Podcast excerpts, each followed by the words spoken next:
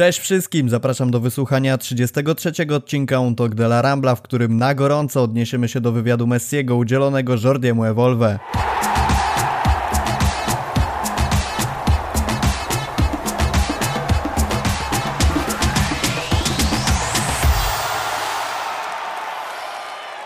Jest dzisiaj ze mną Piotr Baleja i myślę, że nie przesadzę, jeżeli powiem, że jesteś jednym z przeciwników pozostania Messiego w Barcelonie, dlatego wybór gościa na podcast nie jest dzisiaj przypadkowy. Siemanko. Cześć, tak i to jest prawda. Nie chcę, nie chcę, żeby Messi został i za chwilę powiem dlaczego. Wspaniale, w takim razie ja jeszcze słowem wstępu powiem, że Hashtag UTDLA Rambla jak najbardziej cały czas funkcjonuje. Cały czas będziemy prosić Was o subskrypcję i łapki w górę, żeby ten nasz podcast był pchany przez YouTube jak najwyżej, żebyśmy dostali się w końcu na kartę na czasie. Takie jest nasze drobne marzenie i plan na 2021 rok i mamy gorącą nadzieję, że pomożecie nam zrealizować ten plan. W sierpniu Leo Messi udzielił wywiadu, który był prawdziwą bombą, jeżeli chodzi o wydarzenia w Barcelonie. Od jakiegoś czasu krążyła informacja w internecie, że drugi wywiad pojawi się właśnie dzisiaj, jak to nagrywamy, czyli 27 grudnia w godzinach wieczornych. Szczerze mówiąc, cały świat piłkarski, myślę, że nie przesadzę, jeżeli powiem, że cały świat piłkarski czekał na to, żeby dowiedzieć się czegoś więcej, głównie o przyszłości Messiego. Zacznę może od takiego pytania, Piotrek, bo to jest myślę też ciekawa sprawa. Jak podchodzisz do kwestii wyrażania swoich myśli, jakichś e, przemyśleń przez Messiego w takiej formie? Czy, czy nie wolałbyś na przykład, żeby to było w formie jakiegoś, nie wiem, osobiście nagranego? O co? Może inaczej. Trochę nie, nie do końca rozumiem formy wywiadu w wyrażaniu takich myśli, powiem ci szczerze. Ja chyba bym najbardziej wolał formę burofaksu, e, gdyż one są najbardziej konkretne u Messiego. Ten wywiad był dramatycznie zły. Messi jest najlepszym piłkarzem na świecie i najgorszym rozmówcą na świecie. To było trochę jak rozmów, rozmowa e, z majorem Suchodolskim, e, słynnym mieszkańcem Białego Stoku. Tam nie było żadnego konkretu. Messi o niczym nie chciał rozmawiać i faktycznie, no tak już, zupełnie na poważnie, forma jakiegoś wideo oświadczenia mm, chyba byłaby zdecydowanie lepsza niż, niż taki bezpłciowy wywiad. Znaczy chodziło mi, wiesz, o samą formę tego nagrania, bo e, ja gdzieś nie do końca rozumiem zwoływania akcji wywiadu, żeby przekazać, co się myśli. Mam na myśli to, że jeżeli ja mam coś do powiedzenia, to równie dobrze mogę to nagrać samemu i przekazać to światu za pomocą mediów społecznościowych i nie jest mi potrzebna do tego druga osoba, która zadaje pytania. A szczerze mówiąc, yy myślę, że chęć udzielenia odpowiedzi na te pytania była tak samo po stronie Messiego, jak usłyszenia odpowiedzi po stronie, po stronie mediów. No ale zostawmy to, może nasi słuchacze powiedzą coś e, więcej na ten temat, natomiast zajmijmy się e, samą treścią tego wywiadu. Wspomniałeś już o tym, że jesteś raczej zawiedziony niż uradowany tym, co powiedział Messi. E, spodziewałeś się czegoś więcej? Zdecydowanie. No, pierwsza część rozmowy to był jakiś kompletny dramat rozmowa o śwince Peppie i o tym, czy Messi lubi chodzić do supermarketu, to jest jakieś kompletne nieporozumienie. Nie rozumiem po co to było. Można było przejść od razu do pytań o klub, o sytuację finansową i o to, czy Messi chce lub nie chce odejść. Mm, tutaj e, Evolve zapowiadał, że wyjaśni się przyszłość Messiego po tym wywiadzie, a nie wyjaśniło się nic. I, tutaj no, wy, wynotowałem sobie kilka rzeczy, które, na które gdzieś zwróciłem uwagę, ale sam wywiad y, no, no nie, nie wniósł nic. Kompletnie nic do, do, do przyszłości, do tego, jak mamy postrzegać teraz Messiego, czy już jako byłego zawodnika Barcelony, czy kogoś, kto nadal zostanie. I prawda jest taka, że dopiero, dopiero faktycznie w czerwcu po wyborach zapewne coś się wyjaśni ale może tak już tutaj nawet na początku powiem, że moim zdaniem wyjaśni się tyle, że Messi, no niestety dla mnie zostanie dalej w Barcelonie. To odnosząc się do tego, co powiedziałeś na początku, tego, że nie wiesz po co był ten wstęp, ja ci powiem, że jak czytałem ten wywiad, który oczywiście jest dostępny w całości na FC Barsa, to również miałem takie wrażenie, że jest to zupełnie niepotrzebny zabieg i rozmowa, tak jak mówisz o śwince Pepie, to jest jakiś żart po prostu. Natomiast potem zacząłem się zastanawiać, czy to nie jest taki celowy zabieg PR-owy użyty przez dziennikarzy, jak również samego Messiego, żeby wprowadzić słuchacza czy czytelnika w nastrój takiego podejścia do Messiego, że to jest też osoba, że, nie, że jakby wywiad nie jest z zawodnikiem stopu, tylko z zawodnikiem stopu, który jednocześnie ma rodzinę, który również odczuwa jakieś emocje, nie tylko po strzeleniu gola lub przegranym meczu, że on ma dzieciaki i moim zdaniem to było, to chodziło o to, bo jakby oczywiście myślę, że ludzi, którzy interesują się tym, co oglądają dzieci Messiego, albo czy dzieci Messiego śpią razem z nimi w łóżku, jak się boją w nocy, jest bardzo mało. Szczerze mówiąc, mnie takie prywatne kwestie prawie w ogóle nie interesują. Natomiast jakby cała konstrukcja wywiadu została moim zdaniem bardzo celowo zastosowana i, i właśnie chodziło o to, żeby wprowadzić osoby, wszystkie zainteresowane tym wywiadem w pewien rodzaj nastroju. Nie, nie, zgodzisz się ze mną? Myślisz, że to jest po prostu dodatek do wywiadu, który miał rozciągnąć go w czasie? Wiesz co, jak tak zacząłeś o tym mówić, to wpadło mi do głowy, że być może był to też taki zabieg trochę może rozbujania Messiego, bo no każdy wie, że, że Leo jest trudnym rozmówcą, introwertycznym. Zaryzykowałbym wręcz nawet opinię, że lekko autystycznym, że ciężko z niego cokolwiek wyciągnąć.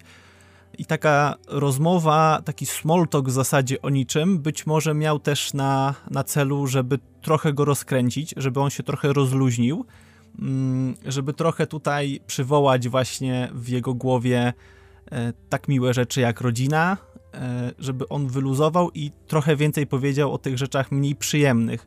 Na początku chyba trzy albo cztery razy zaznaczył, że on o rzeczach nieprzyjemnych nie mówi, on przeżywa je w sobie, nie chce ich wyciągać i tak dalej, a no o tym ten wywiad miał być. Jak tak zacząłeś y, mówić, że to taki zabieg PR-owy, to też jakby pojawiło mi się w głowie, że może to był e, właśnie taki y, no, celowy ruch, żeby, żeby Messi poczuł się bezpieczny, trochę bardziej wszedł w swoją strefę komfortu. Tak, tym bardziej, że ważne jest to, o czym mówisz, że to nie jest gość, który jest specjalnie wygadany i myślę, że trzeba się w wywiadach obchodzić z nim jak z jajkiem. Natomiast nie do końca się zgodzę z tym, co powiedziałeś, że ten wywiad był pusty, jeżeli chodzi o wartość merytoryczną i to, że Messi nic nie powiedział kompletnie. E, ja myślę, że on w pewien sposób też, być może musimy to rozważać jako pewien zabieg PR-owy, chciał pokazać, jaka jest sytuacja w Barcelonie, natomiast nie bardzo jednocześnie chciał wysypywać się ze szczegółów, o tak powiem. No, być może wiesz, też, też to jest kwestia taka, że, że piłkarze są blokowani w pewien sposób kontraktami i być może, to są cały czas moje spekulacje, nawet nie mogą powiedzieć, tak jak Messi powiedział, że nie chce mówić o tym, co zrobił mu Bartomeu, być może nie może zrobić tego w mediach. Natomiast y, podsumował kilka rzeczy, na które na pewno warto zwrócić uwagę na przykład odnośnie tego jestem ciekawy, jak się odniesiesz, że Messi nie korzysta z usług psychologa. Moim zdaniem to jest bardzo ciekawa kwestia, bo wiemy, że tak jak powiedział, woli przeżywać pewne rzeczy samemu, nie, nie otwierać się na innych ludzi. I w kontekście tego, jak ważna jest rola psychologa w sporcie, uważam, że jest to istotna kwestia, tym bardziej, że Messi tak obserwując go na przestrzeni lat, oczywiście nie możemy powiedzieć wszystkiego jednoznacznie, bo nie siedzimy nim, z nim w jednym domu i tak dalej, i tak dalej, ale często po prostu sobie z tymi emocjami nie radzi. I moim zdaniem to jest ciekawa informacja, że on nie korzysta z psychologa. Bardzo ciekawa, znaczy to tak, to się, to się zgodzę. Mi chodziło, że o to, że ten wywiad był zapowiadany jako coś tak olbrzymiego, coś tak przełomowego, a dostaliśmy no taki półprodukt trochę i, i, dlatego czułem się po prostu rozczarowany. Fakt, tu było kilka ciekawych informacji. Mm, samym tym, że Messi nie korzysta z psychologa, byłem bardzo zdziwiony, bo y, gdzieś podejrzewałem, że on połowę swojego czasu spędza w gabinecie, y, próbując gdzieś się odblokować, bo no, często mówi, że jest osobą zamkniętą w sobie i tak dalej i myślałem, że tutaj gdzieś te sesje pomagają mu radzić sobie z tym stresem i olbrzymią presją, jaka na nim spoczywa. I tutaj kolejny podziw dla niego, nie będę ukrywał, bo jeżeli sam potrafi sobie poradzić z takim nakładem emocji, to znaczy, że musi być naprawdę twardym gościem, tak? A wiemy, jakim, jak fizycznie wygląda, więc ta jego e, mentalność musi być tytanowa wręcz i tu pokłony, bo, bo tutaj objawia się nam kolejny raz jego geniusz po prostu, tak, bo tutaj to, to jest jakby no, to, że wolałbym, żeby w tym momencie odszedł gdzieś tam z kilku powodów, nie zmienia faktu, że chyba trochę jestem wyznawcą kościoła Messiego. I, i jakby ta, to, to, że w sferze fizycznej jest świetny, to tutaj jeszcze dokładamy do tego ten mental i, i, i szapoba. No i to jest też bardzo istotne moim zdaniem, bo wielu ludzi mówi o tym, że Messi nie ma tej psychiki, porównując go chociażby z Ronaldo, bo to, to jest to porównanie, które będzie trwało jeszcze przez wiele, wiele lat, że, że Ronaldo to jest motywacja i tak dalej, i tak dalej. No kwestia też, wiesz, na ile, na ile Messi daje sobie radę z tym wszystkim samemu, bo oczywiście jeżeli jest tyle lat na pewnym poziomie, to nie możemy powiedzieć, że sobie rady nie daje, no bo, bo to jest oczywiste. Natomiast ciekawy jestem, na ile ten jego mental mógłby być lepszy, gdyby z tych usług psychologa korzystał. E, też ciekawa jest kwestia tego, y, bo padło pytanie, czy płakałeś. Z przyczyn sportowych nie, ale bardzo cierpiałem. Potem z innego tematu tak, ale wolę o tym nie mówić. Moim zdaniem to jest druga ciekawa rzecz, również nawiązująca do tego zabiegu PR-owego, że Messi to tylko człowiek. Potem padła odpowiedź: Jestem nieśmiały, trudno nawiązuje relacje. To jest odpowiedź na inne pytanie. Natomiast ja szczerze mówiąc, czytając ten wywiad, zastanawiałbym się, czy nie połączyć tego i nie powiązać całej sytuacji Messiego w Barcelonie z tym, że rzeczywiście coraz więcej tych jego przyjaciół odchodzi i może te przyczyny sportowe nie są kluczowe, jeżeli chodzi o jego słabe samopoczucie, natomiast to, że, że gdzieś przestaje otaczać się ludźmi, których może nazywać przyjaciółmi, prowadzi do tego, że czuje się w Barcelonie coraz gorzej. Tak, ale na, nawiążę jeszcze do, do tego, co mówiłeś o porównaniu Messiego i Ronaldo, jeżeli chodzi o ten mental boiskowy. Ronaldo jest ekstrawertykiem, to jest, to jest taki wulkan energii. Widać to po tym, jak on się zachowuje na, na boisku. Messi jest introwertyczny, bardziej, bardziej spokojny i to też może dlatego y, gdzieś, gdzieś ludzie tworzą sobie historię, że ten Messi to jest no, gorszy w jakimś tam, tam stopniu co do tego, mm, co powiedziałeś, że z, z, przyczyn sportowych nie płakał i o, odejściu tych przyjaciół, on powiedział, że no zabolało go, jak został pożegnany, a raczej wyrzucony Suarez. Mówił, że, że jest to jeden z jego mm, największych przyjaciół, że rozmawiają codziennie. Wspominał też o tym właśnie w wywiadzie i tutaj też to może mieć, e, może mieć znaczenie. Messi mówił, że teraz w szatni musiał się zaaklimatyzować. Facet, który od 13 roku życia jest w Barcelonie, mówił, że musi się od nowa zaaklimatyzować. To też, też wiele mówi. Pojawiają się piłkarze, którzy gdzieś też są na tym światowym topie, jak, jak chociażby Griezmann, który przychodził też z taką otoczką wielkiej gwiazdy gdzieś się niby nie, nie, nie dogadywali. Przyszło dużo, dużo młodych, nowych zawodników. Gdzieś też ten zaciąg e, był drobny, bo drobny, mm, ale z kantery. I tutaj ten Messi stracił trochę taki grunt pod nogami, jeżeli chodzi o jakieś tam oparcie po, po odejściu Suareza, po wcześniejszym odejściu e, Neymara.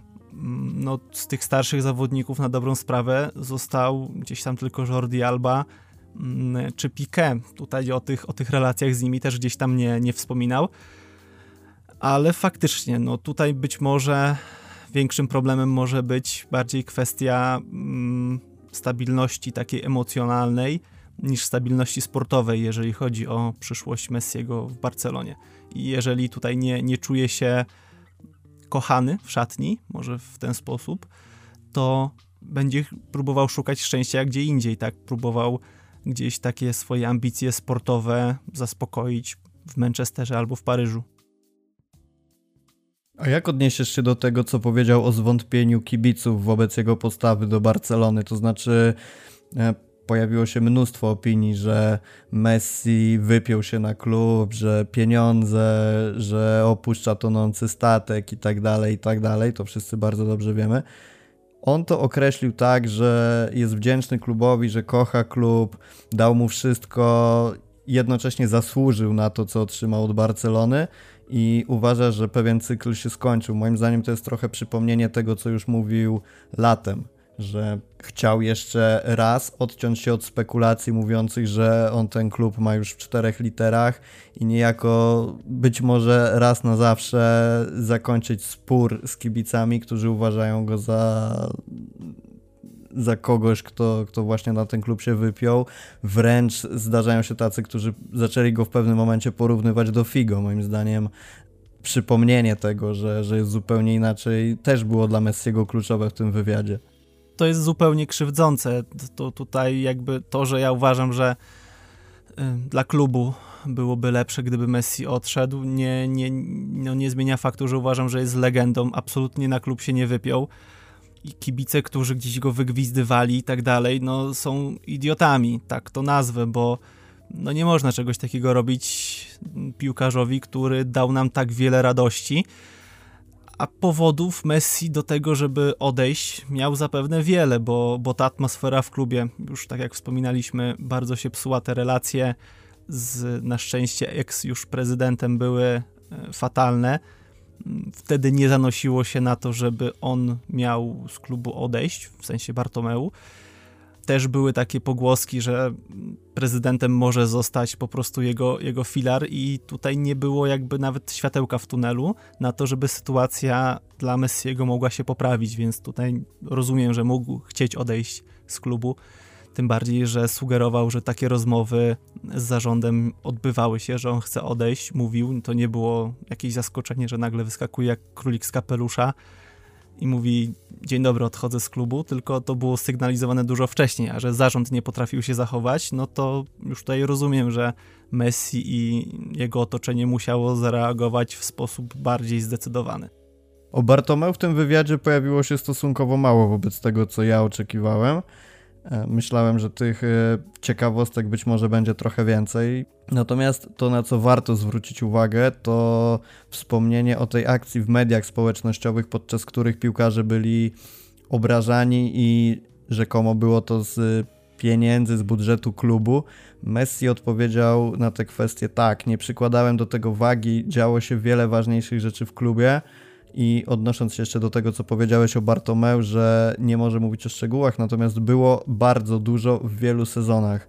I to jest kolejna szpilka w to, co działo się w zarządzie, bo jeżeli jedną z większych afer, która była na przestrzeni kilku ostatnich lat, jaką myślę, śmiało możemy nazwać akcję w mediach społecznościowych, Messi określa jako mniej ważną niż reszta rzeczy, która działa się w klubie, to, to tylko pokazuje, jaki czubek góry lodowej my jako kibice widzimy, a jak duży syf dzieje się w klubie na przestrzeni kilku sezonów i tym bardziej myślę zmieni, zmieni to nasze postrzeganie budowania przyszłości Barcelony w kolejnych miesiącach.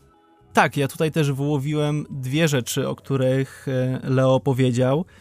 O sytuacji finansowej, że ta sytuacja jest tak trudna dla wszystkich. Tutaj jest cytat Mm, trudno będzie wrócić tam, gdzie klub był wcześniej. Jeżeli coś takiego się pojawia e, w wywiadzie, no to tutaj mm, no, musi być naprawdę ciężko. Jeżeli mówimy o tym, że mm, nie widzi się nawet możliwości powrotu na ten poziom finansowy, jaki był wcześniej, no to faktycznie ta, ta, ta sytuacja kasowa musi być dramatyczna okej, okay, no my wiemy o tym, że gdzieś są jakieś próby, były próby obniżenia tych, tych pensji, czy przełożenia ich na późniejszy czas, no ale jeżeli mówimy o tym, że nie widzimy możliwości powrotu na poprzedni poziom, który no, gwarantował grę w, w finale Ligi Mistrzów, czy ściąganie najlepszych piłkarzy, no to chyba faktycznie my jako kibice musimy przygotować się powoli na bardzo chude lata, jeżeli chodzi o wygrywanie czegokolwiek. I tutaj dorzuciłbym jeszcze to, co powiedział w kwestii transferu Neymara i tego, że nawet jeżeli Neymar zgodziłby się na obniżkę swojej pensji, to z czego klub miałby go kupić? Niejako odpowiedź również na zarzuty kibiców, że jeżeli ktoś chce grać tutaj, jeżeli czuje się, że powinien grać w bordowo-granatowych barwach i tak dalej, i tak dalej, że powinien być gotowy obniżyć swoje pensje, no tylko, że tu jest jeszcze właśnie ta druga kwestia samej kwoty transferu i może nie wchodząc już w temat powrotu Neymara, bo nie o tym jest odcinek, natomiast bardzo dobrze to moim zdaniem pokazało to, o czym rozmawiamy, w jakim momencie na, na osi czasu jest obecnie klub, czyli czyli budżet jest skurczony do minimum. Mówimy o tym, że Depay Depay nie wiadomo czy przyjdzie, bo, bo Barcelona może nie uzbierać na niego 5 milionów, że Eric Garcia gdzieś dopiero latem jest rozważany i te marzenia o, o powrocie Neymara, które są wyrażane przez jeszcze sporadycznych kibiców, raczej musimy puścić w niepamięć wobec tego, że e, prawdopodobnie jeden z największych przyjaciół Neymara mówi, że nie ma na to szans. No, rzeczywiście e, jasno to pokazuje że, że ten budżet klubu obecnie jest w opłakanym stanie i tak jasno dawane sygnały przez Messiego w wywiadzie w tej kwestii tylko to potwierdzają, co, co rzeczywiście no jest, jest po prostu straszne, do, do jakiej ruiny Bartomeu razem ze swoim zarządem e, doprowadzili klub. Jest wspomniane o tym, na co czekali wszyscy kibice, czyli co będzie dalej z Messim. Tak jak wspomniałeś na początku, w zasadzie niewiele się wyjaśniło w tym temacie. Wiemy tyle, że Messi nie odejdzie w styczniu, co w zasadzie mogliśmy zakładać od samego początku, bo raz, że jest obecnie komisja zarządzająca, która ma ograniczone możliwości, jeżeli chodzi o działanie w kwestii transferów. Druga rzecz, ja sobie nie wyobrażam, żeby Messi opuścił klub w styczniu. Tym wywiadem niejako to potwierdził. Natomiast samej odpowiedzi co do tego, co się będzie działo późniejszych miesiącach, czyli gdzieś pewnie to się zacznie znowu rozwijać w okolicach maja, e, w czerwcu będzie apogeum plotek o odejściu Messiego. Jak ty to widzisz? Dał ci ten wywiad jakieś wskazówki odnośnie tego, gdzie może skończyć Messi w przyszłym sezonie?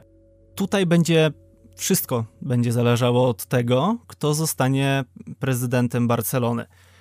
Myślę, że jeżeli zostanie Laporta, Messi zostanie na, na, na kolejne lata, bo mm, ufa temu człowiekowi, ufa w jego projekt sportowy, chociaż tutaj Messi też powiedział bardzo istotną rzecz, że nie ma żadnego piłkarza, który jest większy i ważniejszy niż klub.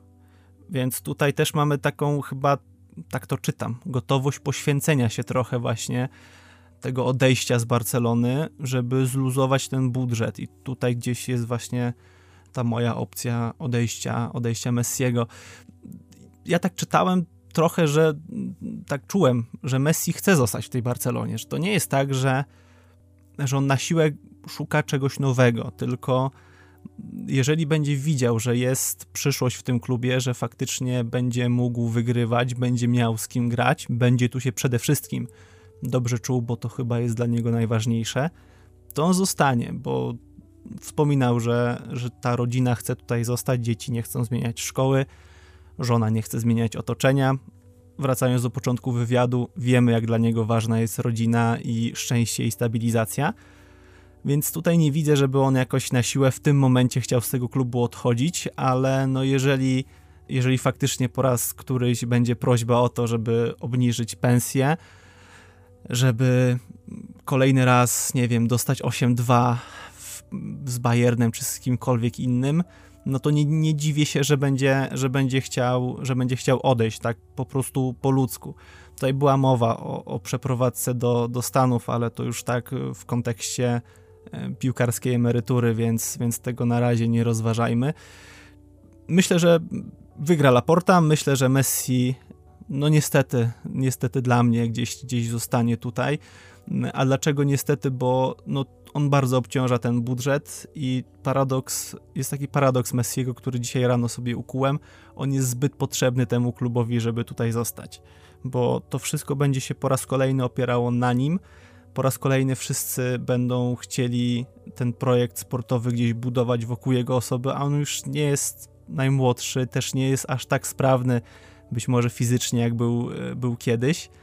I wydaje mi się, że w dłuższej perspektywie takim idealnym rozwiązaniem byłoby przedłużenie kontraktu na rok, pół roku, dogadanie się z jakimś dobrym klubem. Wiem, to jest, to jest sfera marzeń.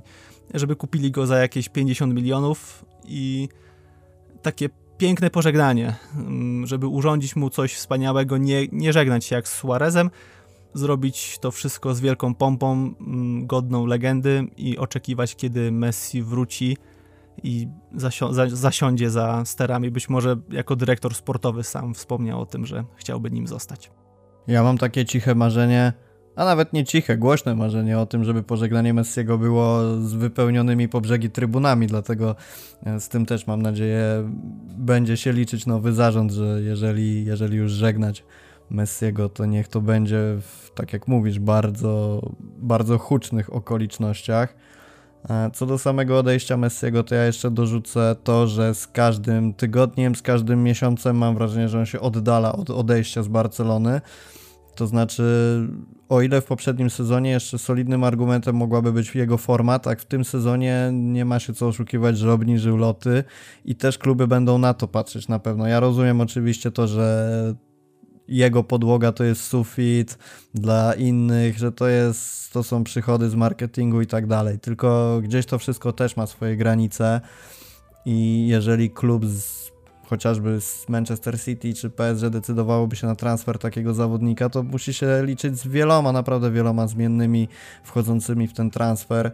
I, I z jednej strony jasne, fajnie, żeby Messi zagrał w takiej drużynie z perspektywy oczywiście PSG czy City, z drugiej strony gdzieś to muszą sobie wszystko przekalkulować, też to co mówisz, że jeżeli wygra Laporta, to, to on ma bardzo dobre stosunki z Messim i i na pewno te argumenty na jego pozostanie będzie mieć. I też sama taka deklaracja tego, że Messi już teraz nie chce decydować o tym, co się stanie w czerwcu, e, pokazuje, że on naprawdę nie wie tego, co się stanie w czerwcu, przynajmniej moim zdaniem. Jeżeli byłby zdecydowany na odejście, to prawdopodobnie by to powiedział w kontekście też kandydatów na prezydenta, to znaczy, żeby mając na uwadze dobro Barcelony, nie opierali oni swoich programów wyborczych w trzech czwartych na tym, że trzeba zatrzymać Argentyńczyka w drużynie, tylko żeby skupili się na, na budowaniu klubu, no bo wychodząc z założenia, że Messiemu najbardziej zależy, zależy na dobru Barcelony, no to wiadomo, że chciałby w jakiś sposób dać sygnał tym kandydatom, że spoko chłopaki, ja wam zwalniam 80 milionów brutto na przyszły sezon, ucinamy kontrakt, możecie planować Barcelonę bez mojego udziału i, i zupełnie inaczej te finanse się układają. Na ten moment on świadomy tego, że Barcelona jest w beznadziejnej sytuacji, mówi, że nie wie czy odejdzie. Moim zdaniem to potwierdza to, że rzeczywiście nie wie czy odejdzie. Jak będzie, zobaczymy. Natomiast uważam, że tak jak powiedziałem, z każdym tygodniem ta szansa na to, że opuści Barcelonę zmniejsza się. Czy to dobre, czy to złe, trudno mi oceniać szczerze mówiąc. Nie do końca się zgadzam z tym, że Messi powinien jak najszybciej odejść, bo to też jest kwestia taka, że kto jak nie on będzie najlepiej wprowadzać tych młodych zawodników. Mam na myśli Fatiego, mam na myśli Pedriego, przede wszystkim ich, no bo gdzieś tam jeszcze w okolicy kręci się pewnie Dest, nie wiadomo co będzie z Rickiem, no ale jego jakby nie, nie chcę też zawierać w tej, w tej sferze tych młodych zawodników, bo jego przyszłość jest naprawdę niepewna. Mówi się o wypożyczeniu do Realu Betis na bodajże dwa lata, które skończy się prawdopodobnie odejściem z klubu, no ale to, to już tak na marginesie. E, natomiast w tym momencie, jeżeli Messi by odszedł, to uważam, że Barcelona dużo by straciła pod kątem tego właśnie wprowadzania młodych zawodników. Natomiast no, tych wszystkich aspektów e, związanych z odejściem jest naprawdę bardzo, bardzo dużo i musimy moim zdaniem czekać do czerwca. Możemy sobie tutaj dywagować nad tym, czy odejdzie, czy nie odejdzie, jak to się wszystko ułoży. Natomiast jeżeli sam zainteresowany nie ma jeszcze pojęcia, to trudno nam tutaj w jakikolwiek sposób wyrokować. E, jestem ciekawy tego, co powiesz odnośnie szatni, bo Messi powiedział, że e, na przykład z Griezmannem ma dobre relacje, natomiast podkreślił też, że przede wszystkim trzyma się z tymi, którzy są w klubie długo. I czy widzisz to jako minus, jako plus, czy raczej ci to nie przeszkadza? Widzę to jako minus, e, ponieważ znaczy w takim kontekście, że mówisz o Messi jako właśnie liderze, który wprowadza tych, tych nowych zawodników. E, mówiłeś o Pedrim, o Fatim, a tutaj nagle mówimy, że on w szatni w ogóle trzyma się daleko, jest odsunięty tylko z tymi starszymi zawodnikami, a z Griezmannem to w sumie jest luz, ale tam tylko od czasu do czasu wypiją sobie herbatkę. Moim zdaniem Messi nie jest liderem. To, to nie jest Francesco Totti, to nie jest Zlatan Ibrahimowicz, to nie jest Gerard ani Lampard. To on się nie nadaje na takiego lidera nie ma takiej mentalności, żeby właśnie pociągnąć tych, tych młodych zawodników i trochę z tego powodu też nie widzę dalej sensu, żeby mieć Messiego w klubie i żeby na nim opierać przyszłość klubu. Gdyby powiedział, ok, super, fajnie, mamy nowych zawodników, jest ten Pedri, gość jest tak kosmiczny, że aż nogi same rwą mi się do tego, żeby grać. A jak myślę o tym, że Fati za chwilę wróci na boisko, to ja śpię w korkach, żeby tylko wyjść z łóżka i z nim grać. A tutaj jest takie dystansowanie się od tego wszystkiego i takie poczucie, że no kurczę, gościu, miałeś być liderem, miałeś być podporą tego zespołu, miałeś tych nowych ciągnąć za uszy, klepnąć kiedy trzeba, gdzieś tam w potylicę, jeżeli mu się coś będzie odklejać. a ty się od nich dystansujesz. Ty mówisz, że rozmawiasz tylko ze starszymi i musisz się aklimatyzować. I to mi się bardzo, może nie tyle co nie podobało, co mnie zaniepokoiło w, w takim dosyć dużym stopniu, że no, no, nie mamy tego lidera jednak w szatni. No, nie jest to, nie jest to Pujol. Wiesz co, nie do końca mi nawet chodziło o to, że on miałby wprowadzać tych zawodników pod takim kątem, jako ten idealny kapitan, tak to nazwijmy. Bo tu jakby się zgadzamy, że możemy znaleźć przykłady innych zawodników, którzy lepiej by się w tej roli sprawdzili, chociażby Sergio Ramos, którego omówiliśmy z Tomkiem Ćwiąkałą w poprzednim podcaście. Natomiast bardziej chodziło mi o to od strony sportowej, żeby to ugryźć.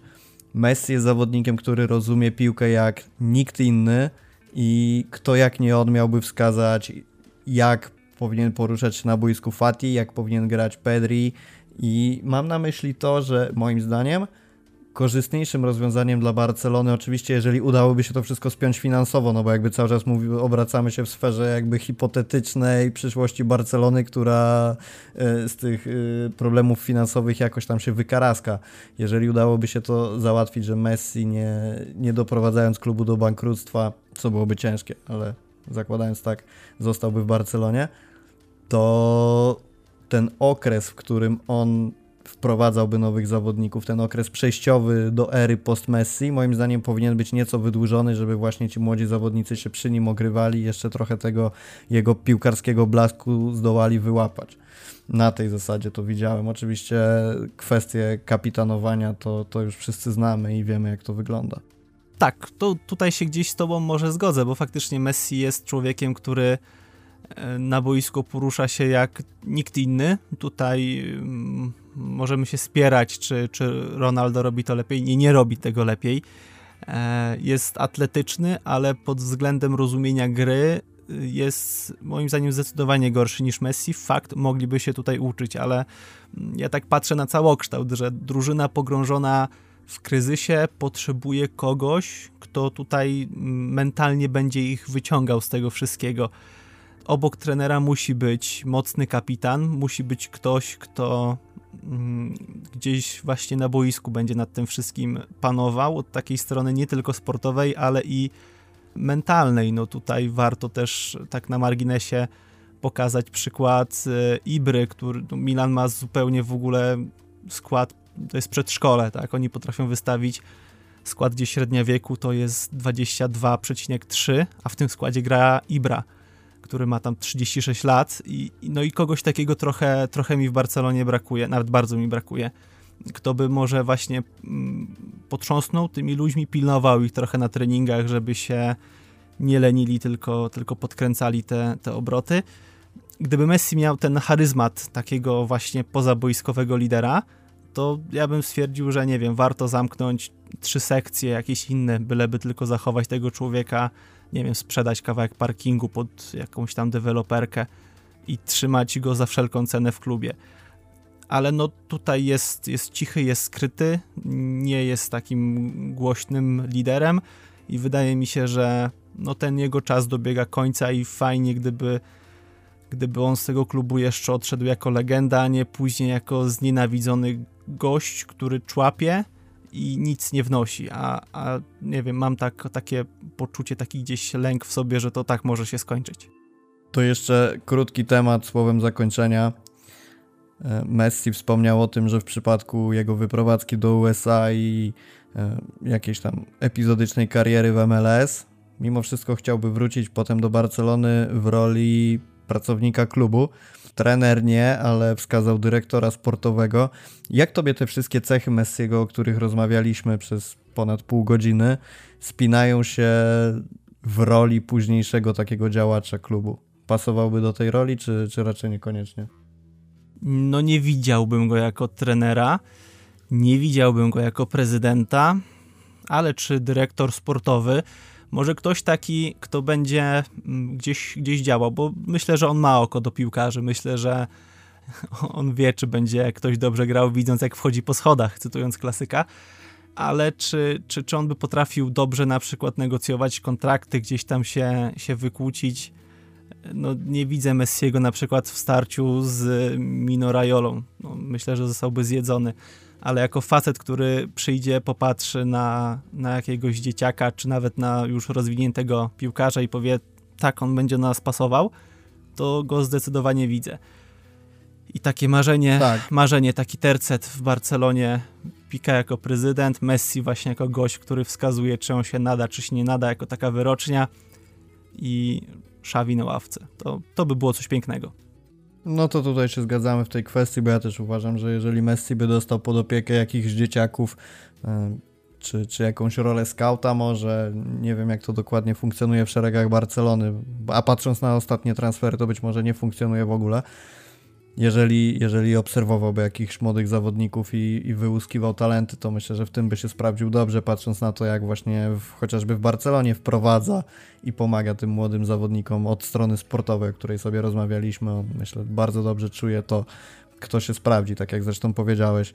E, dobra, masz jeszcze jakiś e, temat, o, których, o którym chciałbyś wspomnieć na zakończenie? Coś, co cię uderzyło w tym wywiadzie, tak na zakończenie?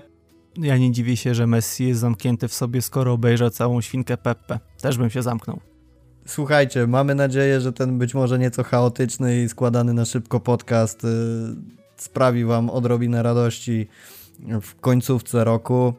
Kończymy 2020. Nagraliśmy dla Was 33 odcinki podcastu. Na YouTubie wygenerowaliśmy 100 tysięcy wyświetleń natrudziliśmy się, namęczyliśmy, wszystko było warte tego, żeby dostarczać Wam jak najlepsze materiały. Bardzo dziękujemy Wam za to, że byliście z nami w 2020. Obiecujemy, że w 2021 będziemy starać się jeszcze bardziej, będzie więcej materiałów, będą być może nowe formaty. Na pewno nie odpuszczamy podcastów co tu dużo mówić, do usłyszenia w 2021. E, bawcie się dobrze na Sylwestra, zdrowo, bezpiecznie i na tyle, ile to możliwe w obecnych czasach. 33 odcinek Kuntok de la Rambla. Był ze mną Piotr Baleja.